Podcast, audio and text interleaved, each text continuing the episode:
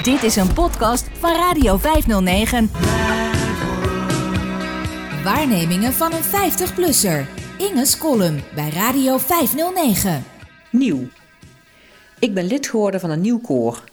Een koor in Amersfoort, een stad die erg dichtbij is, maar die ik nauwelijks ken omdat ik door mijn werk vooral op Utrecht ben gericht als het om steden gaat. Een kennis uit Baren haalt me op en dan rijden we in haar auto naar de andere kant van Amersfoort, waar ons nieuwe koor repeteert in een modern religieus-cultureel complex. Zo'n gebouw dat je vroeger een kerk noemde, maar dat nu een multifunctionele bestemming heeft gekregen. Het is voor het eerst in 15 jaar dat ik me heb aangemeld bij een nieuw koor. Een vereniging waar niemand me nog kent. Ik was bijna vergeten hoe dat gaat. Gelukkig ben ik 55 en niet meer zo verlegen als toen ik 15 was. En ik heb er ook al lang geen moeite meer mee om verbaasde, ongemakkelijke en onhandige reacties te pareren van mensen die nog nooit een blinde met een geleidehond hebben gezien, laat staan met zo iemand hebben gepraat. Ik ontmoet in het openbaar vervoer, op straat en op mijn werk bijna dagelijks mensen die niet goed weten wat ze aan moeten met mijn handicap, hoewel ze er natuurlijk in feite niets mee moeten. Dit went voor mij nooit, al is wel degelijk in routine ontstaan en laat ik me niet meer zo snel raken door lompe vragen of domme vooroordelen. Soms straf ik onhandigheid genadeloos af door de persoon in kwestie, als het even kan in het bijzijn van anderen, flink voor lul te zetten en verbaal zoveel mogelijk hoeken van de spreekwoordelijke kamer te laten zien. Vaker ben ik milder en pak ik het wat rustiger aan. En nog vaker negeer ik het ongemak en praat er gewoon overheen. Vroeger moest ik me als het ware vooraf mentaal wapenen om in confrontatie met een groep onbekende zienden aan te kunnen. Ik stelde het bijvoorbeeld wekenlang uit om voor het eerst naar een nieuwe cursus te gaan. Daardoor miste ik dan de eerste lessen. En als ik dan eindelijk genoeg moed had verzameld en ging, kwam ik afgepeigerd, gefrustreerd en soms huilend thuis. Dat is gelukkig al lang niet meer zo. Echt leuk is het natuurlijk niet. Steeds opnieuw die vragen. Hoe doe jij dat nou met bladmuziek? Is dat braille? Kun je dat ergens bestellen? Zie je die dirigent nog wel? Ben je helemaal blind? En de uitroepen van bewondering over dingen die ik zelf heel gewoon vind. Wat knap dat ik braille lees, een koorpartij kan instuderen, überhaupt naar een repetitie weet te komen. Alles wat ik doe vinden ze geweldig. De eerste maanden voer ik vooral gesprekken over mezelf en dan met name over die dingen in mijn leven die ik zelf nogal oninteressant en gewoontjes vind.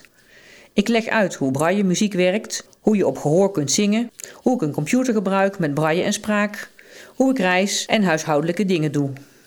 En ik vertel vooral veel over mijn hond. Want ja, die vinden de mensen zo lief, zo rustig en zo schattig. Dat het hem lukt om twee uur naast me te liggen en niemand tot last te zijn, wekt al grote bewondering.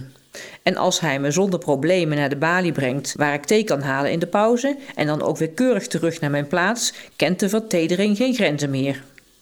Ik vertel hoe lang de opleiding van een geleidehond duurt, wanneer hij met pensioen gaat, wat er na dat pensioen met hem gebeurt, hoeveel honden ik al heb gehad, hoe oud mijn hond is en welke commando's hij kent. Het gaat maar door. Ik maak contact, dat is waar, maar het is wel behoorlijk eenzijdig.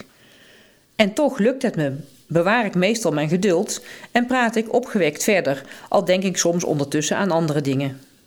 Het is een soort investering. Ik geef mensen brokjes informatie over mij om hen gerust te stellen en om ervoor te zorgen dat ze mij, in ruil voor de bevrediging van hun nieuwsgierigheid, op den duur met rust laten en normaal tegen me doen. Want dat wil ik natuurlijk. Ik ben lid geworden van dat koor en ik wil op een gegeven moment toch wel graag over mijn werk praten of over de kleinkinderen van de ander, over het naderende concert of de laatste vakantiereis. Gewoon menselijk contact dus. Om dat te bereiken moet je als blinde toch meestal even doorbijten. De mensen die mijn handicap voor kennisgeving aannemen en er niets over willen weten, zijn in de minderheid. En daartussen zitten dan vaak nog mensen die jaren later alsnog met vragen komen, op het moment dat ik er niet meer op verdacht ben en er zeker geen zin meer in heb. Dat vertel ik ze dan ook. Dan is het informatieloket definitief gesloten en ben ik gestopt met investeren. Ik zeg nu wel dat ik in zo'n beginperiode veel geduld heb, meer dan ik zelf voor mogelijk houd, maar soms gaat het toch mis. Van de week vloog ik even uit de bocht. Daar zal mijn gesprekspartner best van geschrokken zijn. Ze had tijdens de pauze al veel bewondering en verbijstering over me uitgestort en allerlei domme vragen gesteld die ik keurig beantwoordde. Maar opeens was ik het beu en hoorde ik mezelf duidelijk afrondend zeggen: Het is allemaal niet zo interessant hoor. Ik kan er prima mee leven. Ik heb gewoon een huis en een baan en een man en een hond dus. De vragensteller viel stil. Gelukkig besloot de dirigent op dat moment dat het tijd was om de repetitie te hervatten. En omdat het een gezeggelijk koor is, stroomde de ruimte binnen een paar minuten leeg en zat iedereen weer klaar, partituur op schoot. Ik was er weer voor een uur vanaf. Een goed gevoel, een goed gevoel. Radio 509.